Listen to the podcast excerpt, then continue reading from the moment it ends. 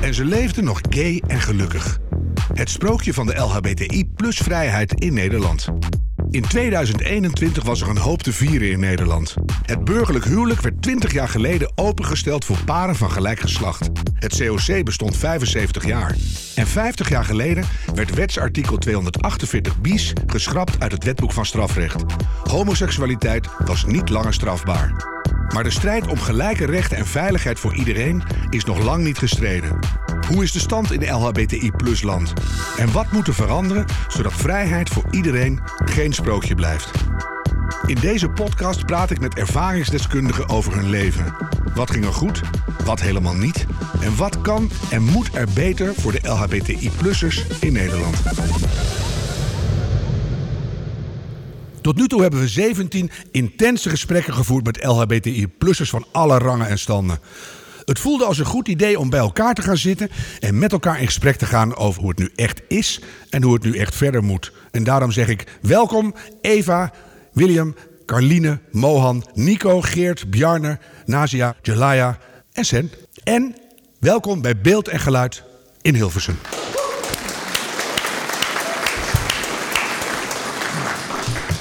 Wat gaat er goed en wat niet?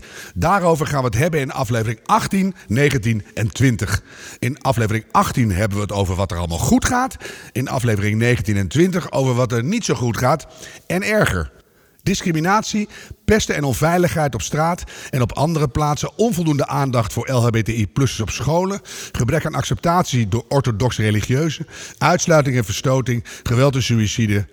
Noem maar op. Laten we er in deze aflevering 19.2 uitpikken: geweld en suïcide en orthodoxe religieuze groeperingen. Om dit gesprek meteen enig wetenschappelijk cachet te geven, is hier Willem Huink, onderzoeker bij het Sociaal en Cultureel Planbureau en schrijver van het rapport Opvattingen over seksuele en genderdiversiteit in Nederland en Europa 2022. Een verslag van het onderzoek naar hoe Nederlanders denken over LHBT'ers. En voor de volledigheid, de Q-plussers konden nog niet in het onderzoek worden meegenomen. Willem, er gaat een hoop niet goed. Ben je in je onderzoek duidelijke oorzaken tegengekomen? De belangrijkste oorzaak is de beperkte acceptatie bij sommige mensen, bij sommige groepen. Wat ertoe kan leiden tot, uh, nou ja, uh, tot allerlei vormen van negatieve bejegening. En dat is een beetje een duur woord voor gewoon uh, shit- en rotreacties.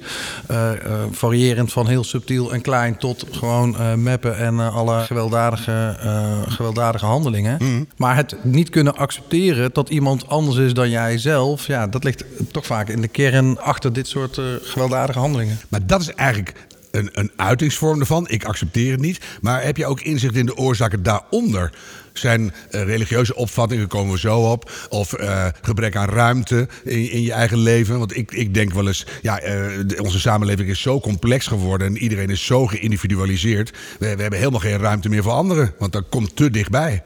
Om eens wat te noemen. Wat, wat zijn de diepere lagen daaronder? Heb je daar inzicht in? Nou, het is misschien opvallend, zeg maar, gezien de, de grootte en de diepte van de problemen die er zijn, dat we eigenlijk best wel weinig weten van de kenmerken van daders. Maar goed, we weten wel, op basis ook van het onderzoek van onszelf en van vele anderen, dat het in bepaalde groepen ingewikkelder ligt. Uh, je noemt het al een paar keer zelf. Met name in groepen waar, hè, die meer een orthodoxe positie innemen op het religieuze uh, spectrum. Daar zijn vaak issues, uh, grote issues met, ja met uh, gender en seksuele diversiteit. Uh, maar het is, het is, het is, het is heel, heel complex. Hè? Dus bijvoorbeeld degene die lastig worden gevallen op straat... is maar de vraag of dat, dat nou gebeurt door hele vrome... Uh, orthodoxe, islamitische, christelijke, katholieke jongens. Hè? De daders zijn over het algemeen uh, jonge, ja. uh, jonge mannen natuurlijk. Mm. Maar andere vormen van, van geweld, psychisch geweld, uitsluitingen, niet kunnen of mogen zijn wie je wil zijn. Wat ja, ook een vorm van geweld is dat heel veel impact natuurlijk kan hebben op je eigen leven. Ja, ja. daar speelt wel ook vaak, uh, zeker dus niet altijd. Hè. Ik, ben, um, ik, ik, moet dit ook genuanceerd zeggen, want het is ook genuanceerd. Uh, het is niet zo dat alle mensen die gelovig zijn, uh, homohaters zijn, om maar heel erg plat te slaan. Nee, in tegendeel, want in een podcast-serie kwam ja. af en toe echt naar voren.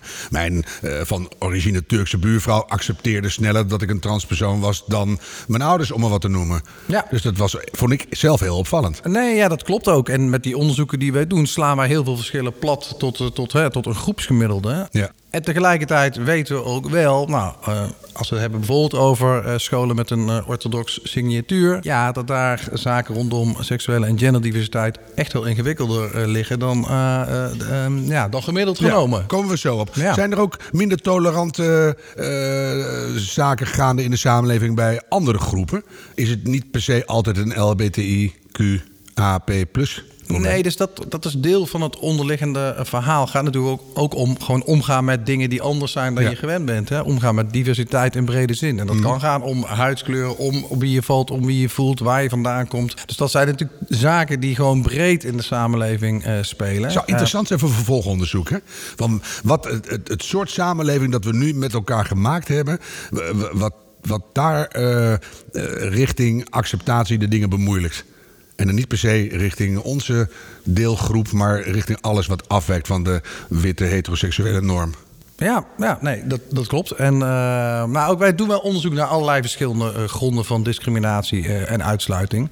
en er zitten ook allerlei overeenkomsten natuurlijk in, ook in de bestrijding. Of hoe kunnen we ervoor zorgen dat het, dat het beter gaat op dit vlak. Mm maar ook ja, tegelijkertijd ook weer hele duidelijke, ook weer hele ja, specifieke zaken die spelen voor specifieke discrimina discriminatiegronden. We gaan het hebben over geweld en suïcide.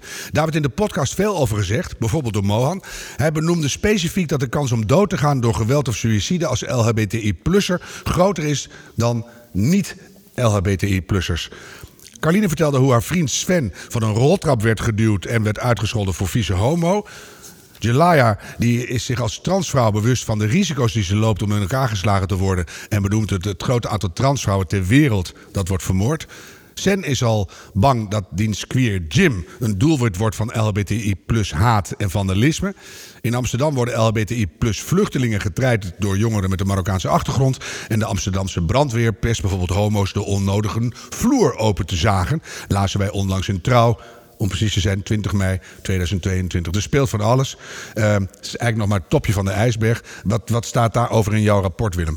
Nou, in het rapport dat nog gaat komen, kunnen we helaas niet ingaan op uh, uh, suïcide of over. Uh, nou, in ieder geval kunnen we niet ingaan op suïcide, wat ik als eerste hoorde. Wel op onveiligheid, op het slachtoffer worden van geweldsdelicten. Um, en ik ga eigenlijk te snel, maar ik wil toch nog even zeggen dat ik afschuwelijk alle voorbeelden die net genoemd werden. en, de mensen zitten nu hier voor mij. Het zijn mhm. geen anonieme getallen zoals uit zo'n rapport is, maar dit zijn gewoon echte verhalen uit echte levens. dus dat doet mij ook als onderzoeker onderzoeker wel uh, wat natuurlijk. Ja.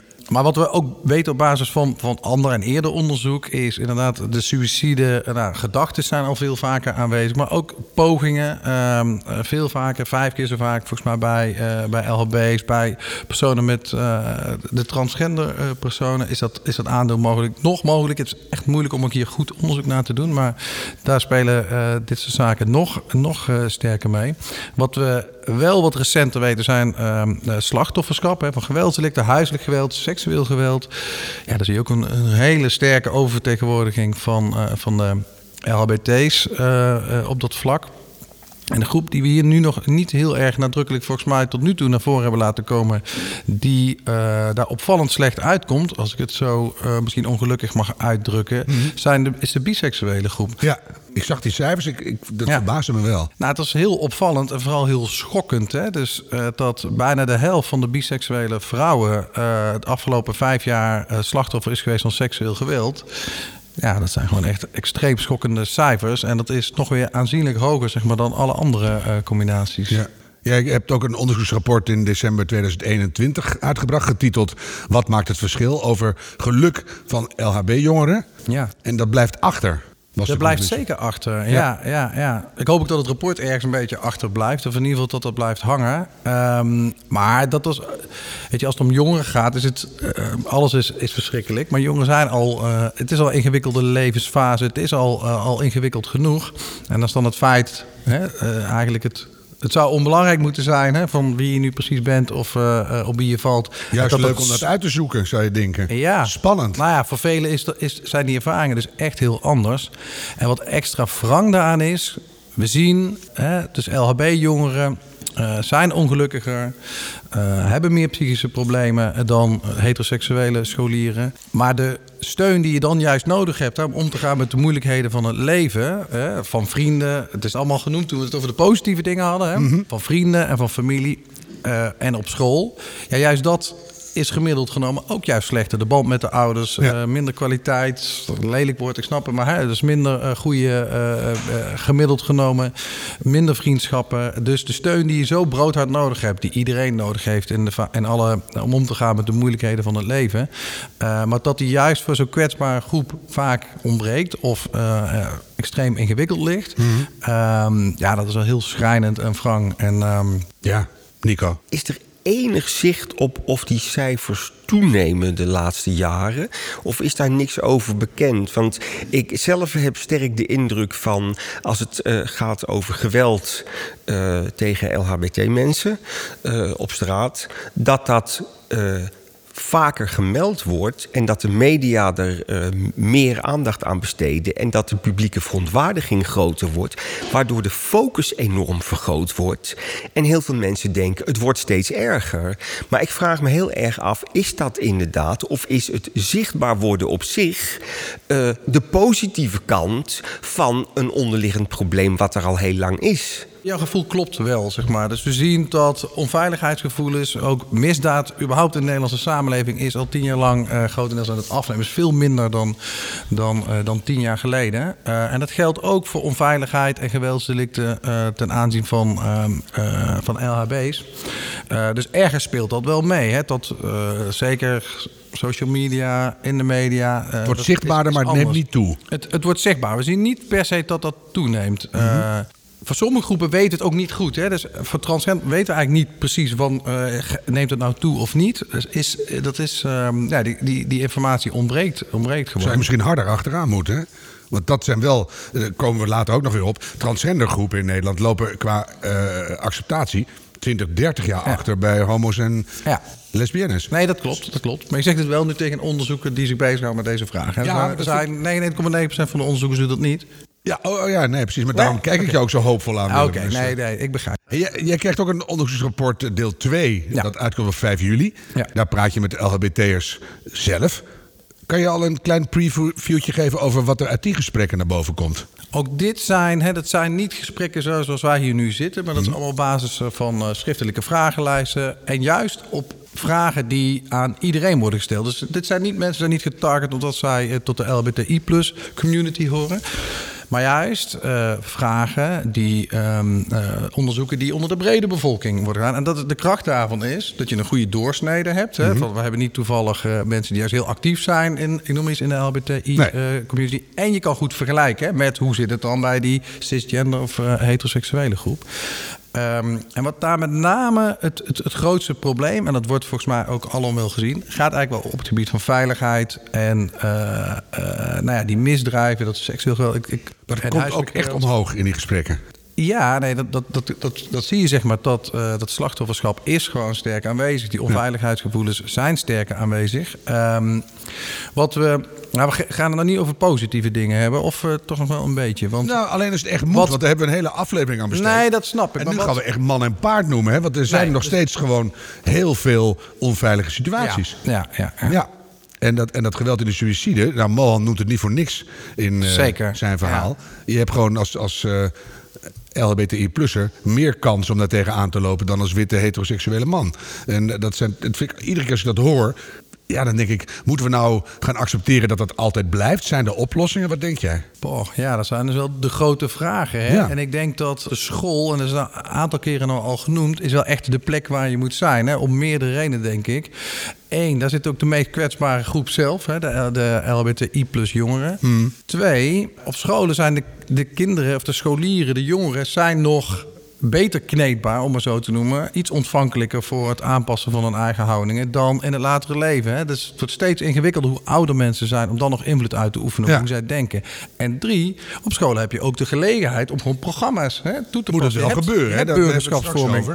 Ja. bij mij komt steeds die vraag weer op en ik word er ook een beetje boos over. Wanneer mogen we nou eindelijk onszelf zijn? Zonder dat we tegen onveiligheid oplopen of dat we moeten gaan nadenken, is ons leven wel de moeite waard? Ik, ik moet wel accepteren dat de hele dikke hetero mannen met een rood hoofd en een half vark op een barbecue staan te cremeren.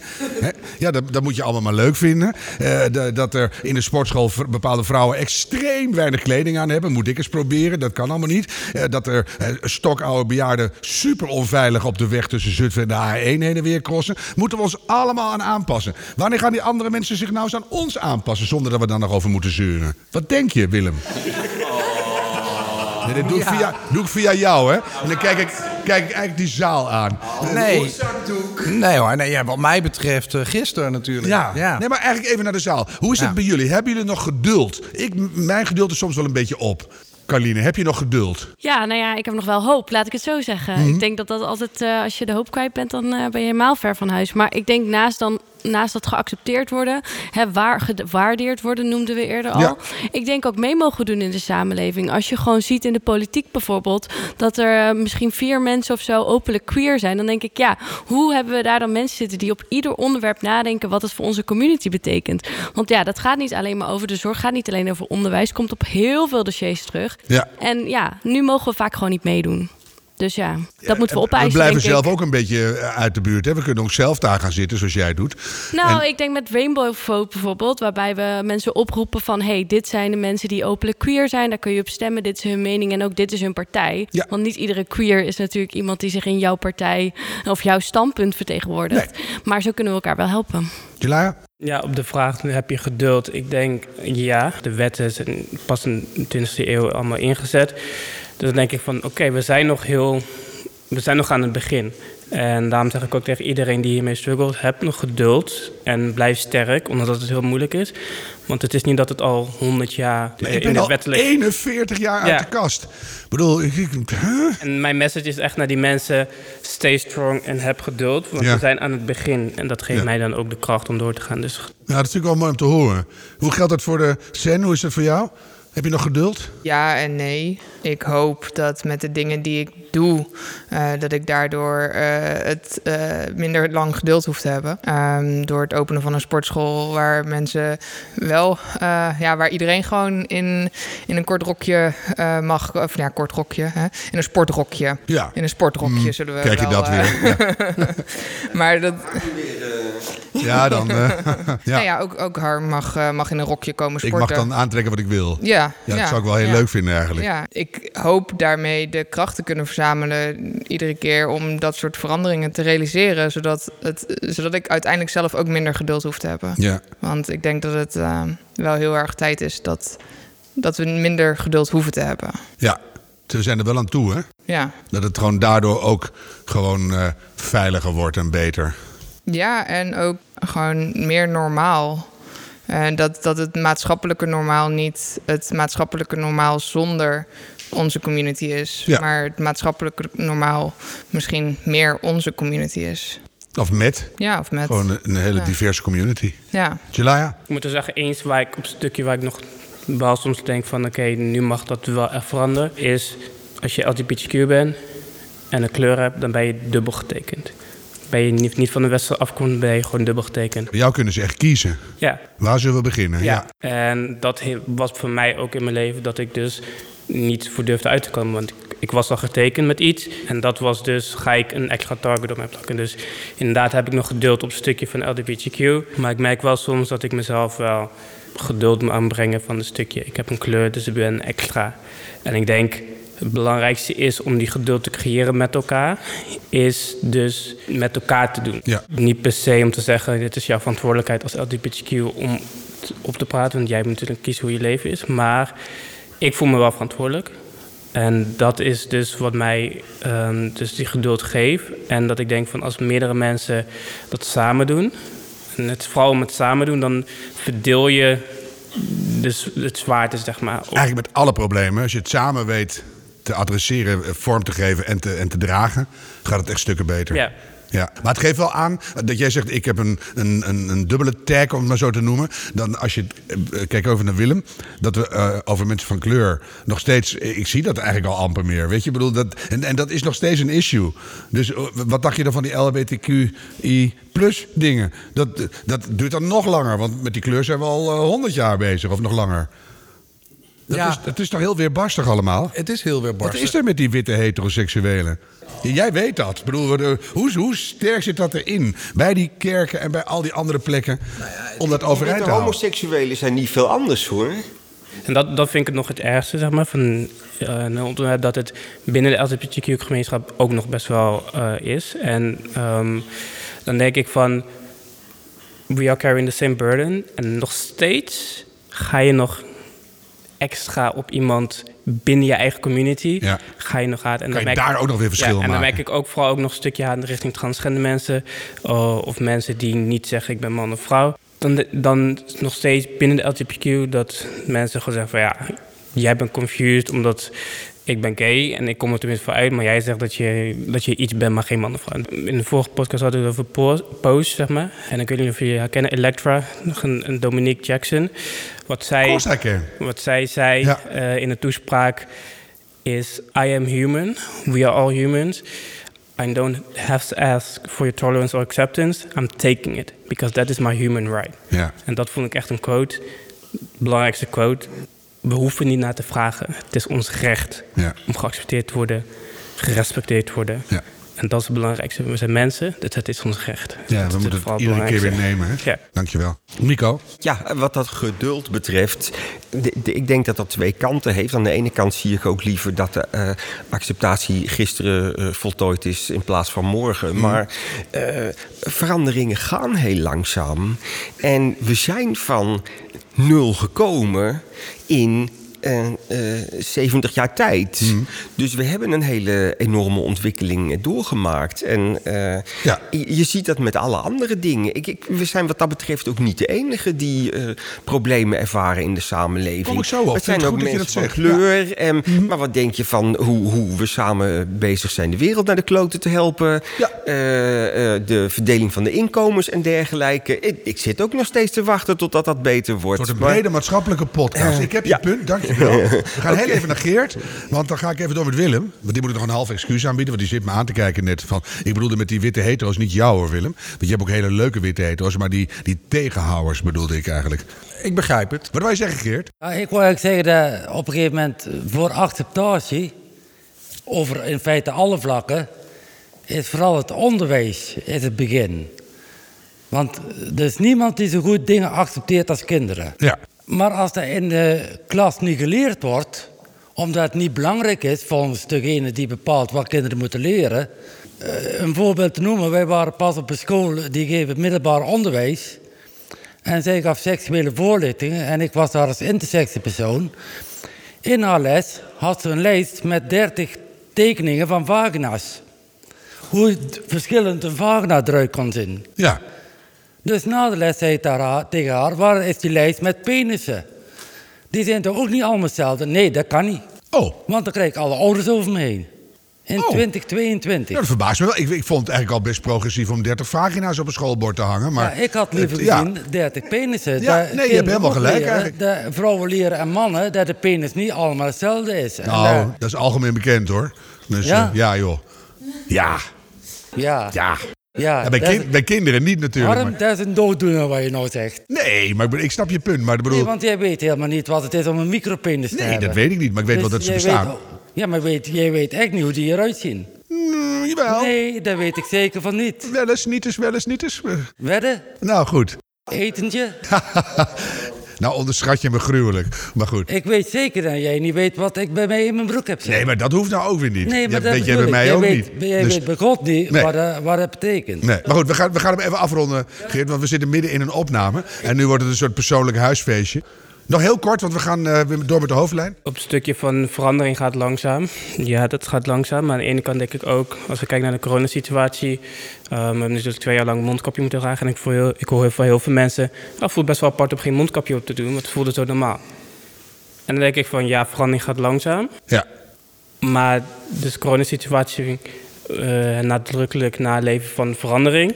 Dat kan dus wel. En nu voelt het opeens heel gek om geen mondkapje te hebben. En daarom zei ik ook net van, we moeten het meer gaan eisen, denk Ja. ik. En meer gaan... En niet zozeer wij weer, maar de, de beleidsmakers, Ja, gesteund ja. door ons, moeten zeggen: zo gaan we het nu doen. En de rest moet- moeten we maar eens mee ophouden. Ja. Maar, kijk even naar jou, Willem. Het lijkt op dit moment eh, internationaal ook een soort terugdraaibeweging aan de hand te zijn.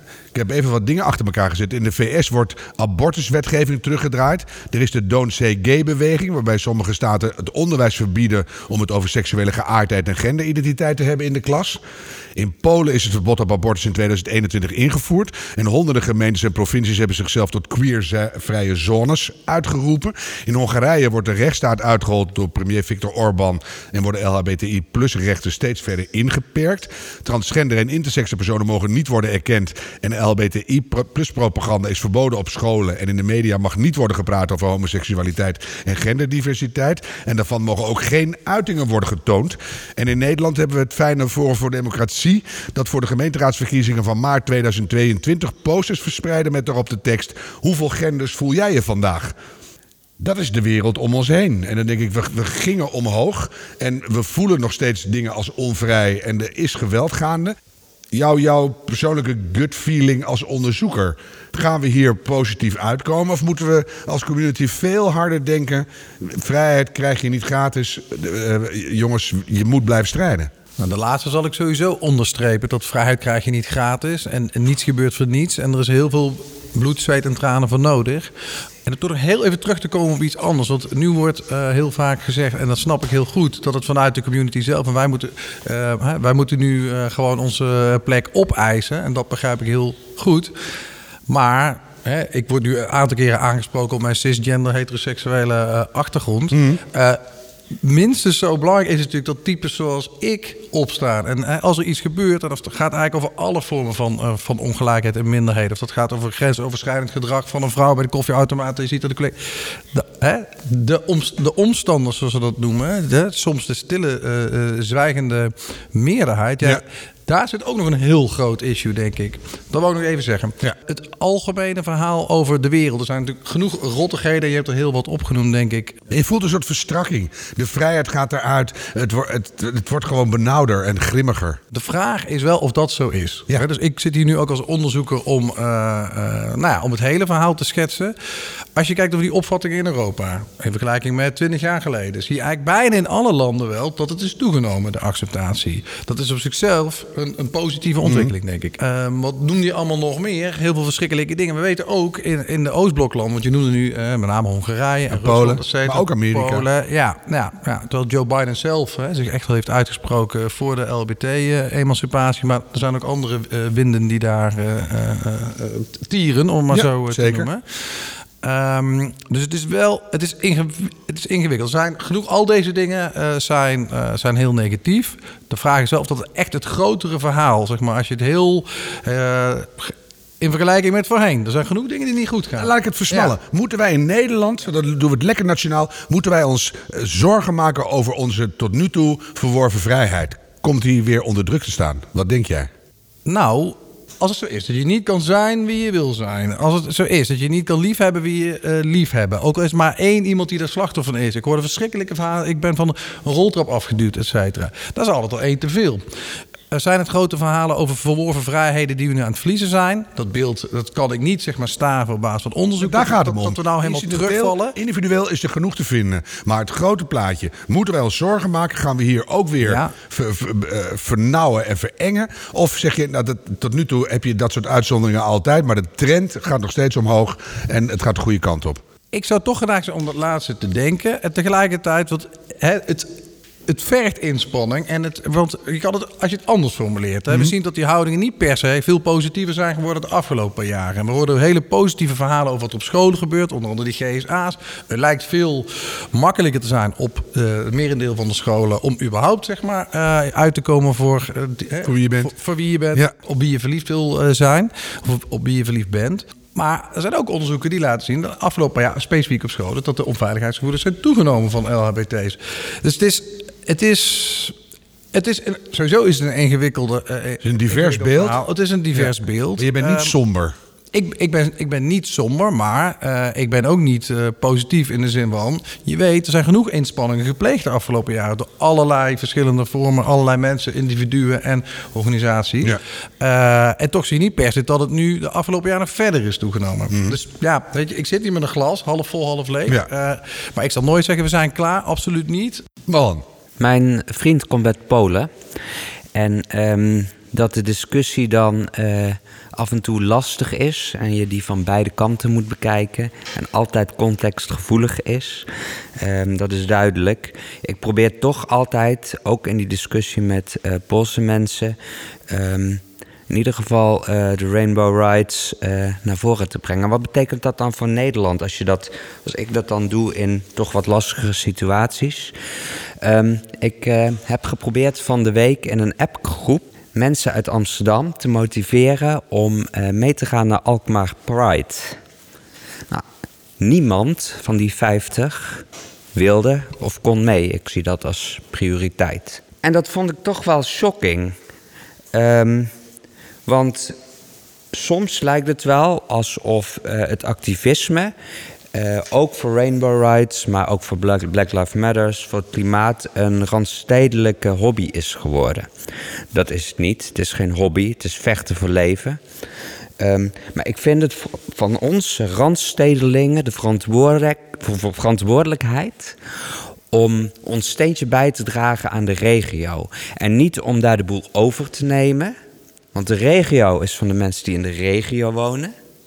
Maar wel om hun te empoweren. En ik zou dat toch wel graag meer zien. En ik denk dat daar ook een stukje oplossing Vind ik ook mooi, in zit. Dat, zit daar wat in, Willem? Dat als je, dankjewel man, dat als je uh, die lijn toch wat uh, omhoog wil krijgen en wat wil bestendigen, dat je ook vanuit de plekken waar het heel goed gaat en heel zichtbaar is, wat uh, dieper het binnenland intrekt, waar er misschien nog heel veel moet gebeuren.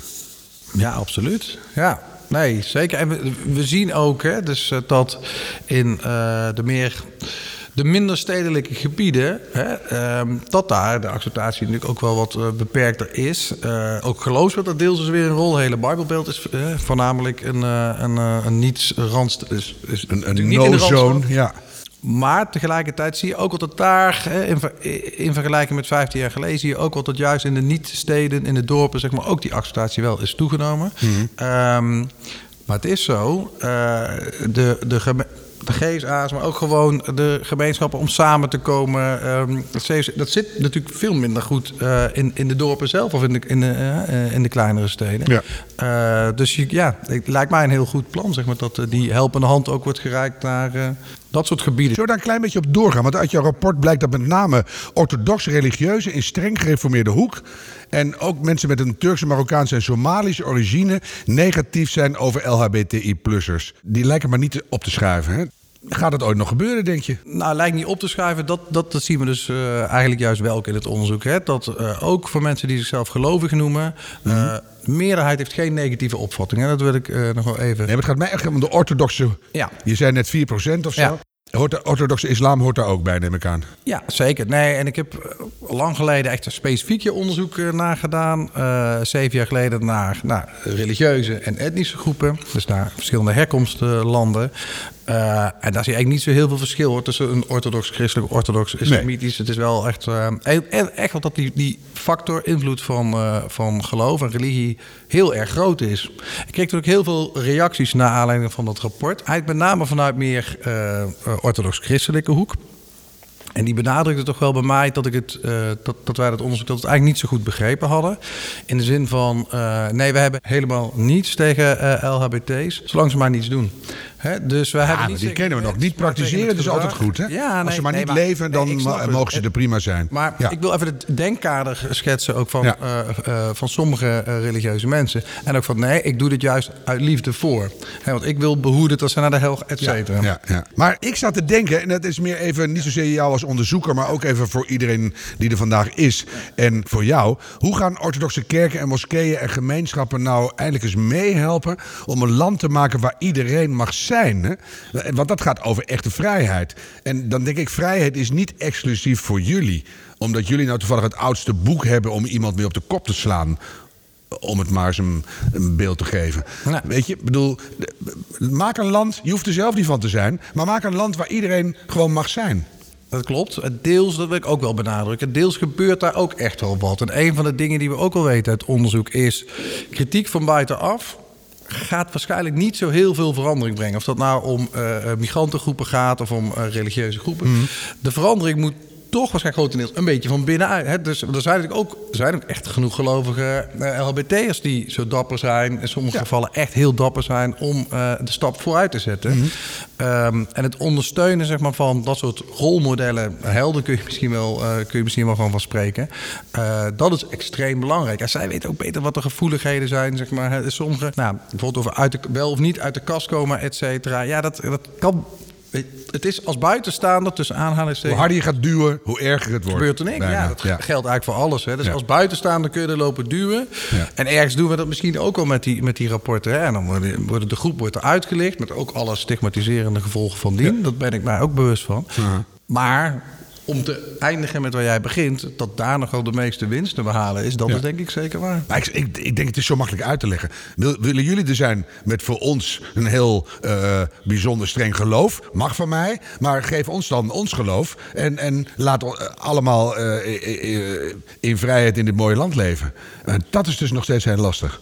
Je moet nog steeds blijven wijzen en zeggen: jij deugt niet, Jelaya. Het is niet per se het geloof zelf dat het probleem is. Dat klinkt misschien een beetje gek, maar de sociale omgeving omheen. Hmm. Ik ken iemand, hij is uh, moslim en hij zegt: de islam is niet het probleem, maar de toxic masculinity en de sociale pressure in de, in de omgeving. Ja. Daarom, uh, straks gaf hij ook aan, geweld uh, komt vaak vanuit mannen. En, en, en, dat is een beetje die toxic masculinity die in geloof nog iets sterker is. Want ja, geloof, in het geloof staat de man bovenaan. Ja. En door dat eigenlijk, dus de toxic masculinity en sociale pressure onder jongens, heb je dus um, veel agressiviteit richting LGBTQ is. Nou, het is dan wel heel moeilijk, en ik kijk toch nog even naar Willem en naar jullie allemaal, dat uh, je eigenlijk als uh, LHBTI plus community redelijk machteloos staat. Want hoe harder wij gaan zeggen van jongens, wij willen vrijheid ook van jullie. En, en laat ons met rust en geef ons die veiligheid die we nodig hebben. Hoe harder je het niet gaat krijgen. Dat is denk ik wel een beetje hoe, hoe het werkt. Ja, om nogmaals maar dat te benadrukken. en dat gaat, geldt ongeveer voor alle minderheidsgroepen. Hè? Maar als je, en ik zeg trouwens niet van je moet niet opkomen voor je eigen rechten. Dat is iets heel anders. Ja. Maar als je verandering in de opvattingen, hè, en we hebben het niet over het sanctioneren, maar eigenlijk wil je preventief. Mhm. Ik zeg het iets te onderzoekerig, maar preventief wil je hebben dat je een veilig sociaal klimaat hebt als, Ja. als minste eh, vorm, zeg maar. In ieder geval geen last van elkaar op straat. Hè? Ja. Blijf van elkaar af. Als je ge- gedrags- en eh, verandering wil bewerkstelligen in houdingen, dan werkt het niet om, eh, over het algemeen niet om met een stok te gaan slaan en zeggen: jij deugt niet en jij bent een homohaat. Dat, dat werkt over het algemeen niet. Toch moet het subtieler en ik snap het. Ik bedoel, er is geduld, er is Maar ongeduld. wel als bepaalde mensen over de schreef gaan, moet je ze wel hard aanpakken, neem ik aan. Dat ze dan gaan zeggen, nou ja, een beetje bedreigen in een winkel of een beetje idioot gedragen. eh, kan nog wel, want we mogen jullie niet onder druk zetten. Nee, natuurlijk niet. Dat is hem niet, hè? Nee, nee. Nee. Dus het is een tweesporenbeleid. Ja, inderdaad, zoals je zegt. ehm, en wat ik ook bedoelde met dat wij het moeten eisen. Inderdaad, niet zeggen, jij bent een homohater. Want iemand gaan benoemen eh, is een confrontatiemoment. Dus als jij zegt, jij bent een homohater... Mensen houden niet van kritiek natuurlijk. Dus dan krijg je, zoals je zegt... eh, dat, dat is een confrontatiemoment waar de hun dan in de aanval gaan. Dus ik denk, we moeten het hard aanpakken, maar op een andere manier. Dus niet gaan zeggen, jullie zijn allemaal homohaters, dit en dat. Als je geloof bent, dit en dat.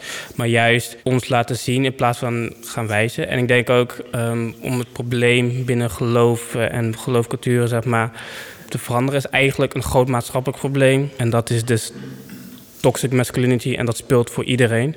Ehm, mannen die zich... we ook bij de voetbalsupporters Ja, en dat zien we op heel zich- veel plekken. Hè? Ja, mannen die Ja. zich alpha mannetje voelen. En dat is het Ja. probleem overal. En dat is, Of die zich bedreigd alfa mannetje voelen Ja, als dus jij met de hoge hakken langs ja, loopt. dus het is Of, eigenlijk eh, ja. eh, toxic masculinity, maar vooral de fragile masculinity, om het maar te noemen. En dat zit het een stukje overal. Want als, dat, als je dat weg zou halen, dan zie je binnen het geloof dat dat ook niet nodig Zakt is. het ook af. Ja, Ja. want dan hebben ze Goed niet punt. nodig dat ze de alpha moeten zijn. Mhm. En dat ze zichzelf kunnen zijn, maar nog steeds geloof kunnen zijn zonder dat ze ehm, per se dat moeten zijn. En want dat is het probleem Ze natuurlijk. ook best een stoere man zijn als ze Ja. niet zo alfa-achtig doen. Ja. Mooi. Ik ga even naar Nico. Dankjewel. Ik denk wat eh, Jalaya zegt over die eh, mannelijkheid, dat dat als het gaat om het aanpakken van geweld, dat daar een, inderdaad een, eh, een, een cue zit. Uh, maar die, die streng orthodoxe uh, gemeenschappen, ja, ik vrees niet dat die gaan zeggen van wij zetten ons in voor een betere wereld voor iedereen. Die geloven namelijk. Alleen dat hun jij, wereld is goed, dat, hè? Dat, ja, Ja. en die willen ons behoeden om naar de hel te gaan.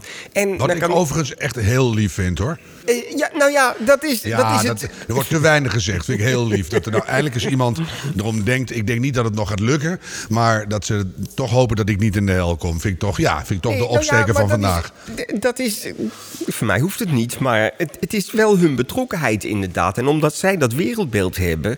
Maar ik, ja, dat moet vanzelf gaan. En maar het grootste deel in die protestantse wereld, met name die protestant, is heel tolerant. En je hebt daar, de katholieke kerk heeft nog geen vrouwen in het ambt. Nee. De protestantse kerk wel. Eh, binnen die protestantse kerk zijn heel veel kerken waar je als twee mannen of twee vrouwen kan trouwen. Dus eh, die, die orthodoxen zijn maar hele kleine Ja. groepjes. Carline. Nou, we hebben het nu best wel over hè, wat het voor ons als volwassenen betekent als er uitsluitend op je wordt gereageerd. Maar mijn zorg in, in het geloof zit eigenlijk juist in de kinderen die opgroeien in een geloof. Ik ben zelf opgegroeid in een katholiek eh, gezin. En als je dan constant om je heen hoort van hè, dat eh, hoort niet of dat bestaat niet of daar kun je van genezen. Dan, eh, en dat is denk ik wel minder ook omdat er minder mensen katholiek zijn. Ehm, maar dan geef je kinderen heel erg iets mee, geef je kinderen een wereldbeeld. En dat vertaalt zich ook in onderwijs, omdat er onderwijs is waarin dat ook gedeeld wordt. Ja. Dus als je het echt Dat is denk ik, ervan doordrenkt dan helemaal. hè? Precies, en Ja. dan word je daar zo jong in betrokken. Dus aan de ene kant zou ik zeggen voorlichting op scholen, maar aan de andere kant ook echt. Het kan natuurlijk niet zo zijn dat er meer scholen nu zo'n verklaring bij wijze van zouden de Nashville-verklaring zouden ondertekenen dan eerder, Ja. terwijl daar aandacht voor was eh, onder eh, minister Slop. Slop wou er wat aan doen en het werd erger. Ja. Nog even? Ja, gewoon alle scholen moeten seculier worden. Het is gewoon klaar. Ja, ja dit is een, eh, een heel duidelijk punt, ja. We gaan richting afronding van deze aflevering 19. Zaal, alles bij elkaar horend. Hebben jullie eh, een tip voor al die kerken, moskeeën en scholen die nog een beetje mogen opschuiven? Eva? Eh, vooral voor de mensen die daarmee te maken hebben. Eh, ik praat vrij veel met mensen. En er zijn mensen bij die hebben ook eh, problemen met hun gezindheid, hun geaardheid moet ik zeggen. En, en hun religi- religieuze achtergrond. En dan denk ik toch iedere keer, en dat herhaal ik ook, aan mijn vader. Strenger kon niet. Ik bedoel, zwartere kousen dan in de oud-gereformeerde gemeente worden niet gemaakt. En toch was die man ervan overtuigd dat hij geen hetero was. En daar had hij helemaal geen probleem mee. Ik herinner me nog iets heel belangrijks van wat hij heel vaak zei. En wat ik ook van anderen hoorde, van familieleden, van kerkgenoten. Als iemand weer eens een bewering deed van ja, maar dat mag natuurlijk niet van God. Eh, waar staat dat? Waar staat dat? Ik wil dat graag nalezen. En dan is er nog iets wat ik, waar ik sommige eh, conservatieve moslims eh, wel eens een beetje mee verder op weg kan helpen. Dat is, oké, je komt aan het eind van je leven voor Allah, voor je schepper.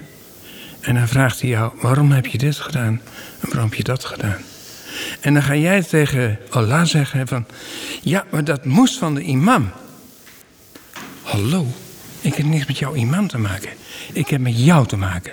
Waarom heb jij die beslissing genomen? En wat die imam verteld heeft, heb ik niets mee te maken. Jij beslist wat goed is. Het helpt ons. Denk zelf ook na, hè? Denk zelf. Dat is een. Robert Long ging het liedje ook alweer. Want als je God als goed beschouwt, vindt hij het beslist niet fout dat je van een ander houdt. Ja, Zo simpel is het eigenlijk. ja. Ja, mooi, dankjewel. Jelaya. Wat ik altijd tegen geloof zeg, als je het boek zo erg wil hanteren, hanteer dan de belangrijkste regel in het boek. En dat is, jij als gelovige staat niet in het recht om andere mensen te judgen en te haten op andere mensen. En dat is de belangrijkste regel in elk geloof. Ja. En ze zeggen het ook altijd, only God is the one who can judge. Maar waarom doe jij dat? Jij bent Zonde, geen- zonde is Ja. werpen de eerste Het, steen. het hè? is geen wetboek, jij bent geen handhaver, je bent gelover. Dankjewel. Nico. Ik zou zeggen, eh, confronteer die, eh, die religies en die scholen die van die strenge opvattingen eh, verkondigen er maar mee dat zij eh, de dood van leerlingen op, of van kinderen op hun geweten hebben. Als zij mensen opvoeden met het idee van je mag niet zo zijn, ja je mag het wel zijn, maar je mag het niet doen. Eh, daar komen mensen enorm emotioneel in de problemen. En dat eh, het percentage zelfdodingen in de streng religieuze LHBTI is groter dan onder niet-gelovigen. Dus eh, kijk, als ze dat niet willen horen, confronteer ze maar. Dankjewel. Nasia. Ik vind religie best wel een lastig onderwerp om over te spreken. Um, ik zelf ben niet gelovig, maar ik heb wel verschillende mensen in mijn omgeving en familie die wel gelovig zijn. En daar binnen zit ook weer een tweedeling, en daar hebben we het net al uh, met deze mensen over gehad.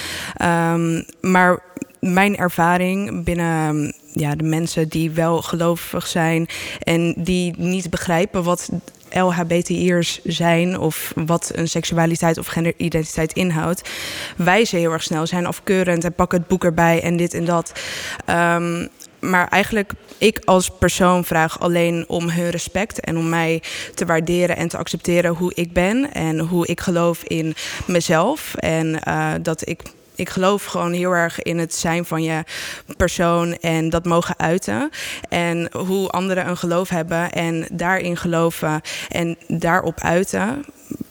Ja, vraag ik eigenlijk gewoon om wederzijds respect en ja. uh, acceptatie daarvoor. En ik denk niet dat uh, een bepaalde religie. Um, ja, een ander daarvoor kan uitsluiten. Kunnen we combineren met Jelaya? Hè? Ja. Dus don't judge, dus uh, oordeel niet en respecteer elkaar. Ja.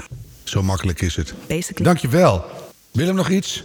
Nou, misschien door ook als laatste zeg maar dat. Um, er zijn juist ook, en dat klinkt misschien gek, ook overeenkomsten wel hè, tussen LHBT's en orthodox gelovigen. We zitten in een extreem seculier land, het meest seculiere mm. van heel Nederland. Of ik een mooi punt. Ja. Dus uh, ook orthodox gelovigen, die krijgen ook allerlei te maken met allerlei negatieve bejegeningen, discriminatie, uitsluiting. Uh, mensen, hè, de seculieren begrijpen uh, de gelovigen niet zo goed. In coronatijd zag je dat ook. Dus ergens zijn er ook raakvlakken, zeg maar, hè, van als minder, tussen aanhalingstekens, als minderheid in de Nederlandse samenleving. Dus misschien dat daar ook nog iets gevonden kan worden. Je bent niet alleen een onderzoeker, je bent ook een werelddromer.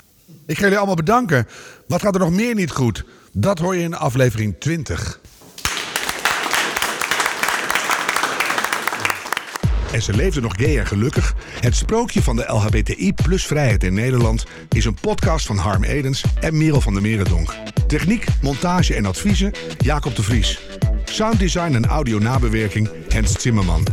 Met dank aan Harm Wesselink en Maarten Westerveen. Wil je niets missen van onze podcast? Abonneer je dan.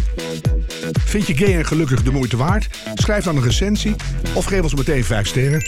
Dan kunnen anderen deze podcast beter vinden. Dankjewel.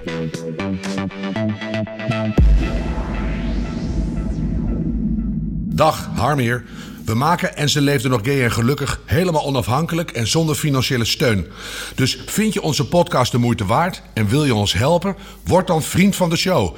Ga naar vriendvandeshow.nl en doe een eenmalige donatie. Met jouw donatie dekken we onze kosten en kunnen we misschien een vervolg maken. Dat zou mooi zijn. Dankjewel vriend, MVX.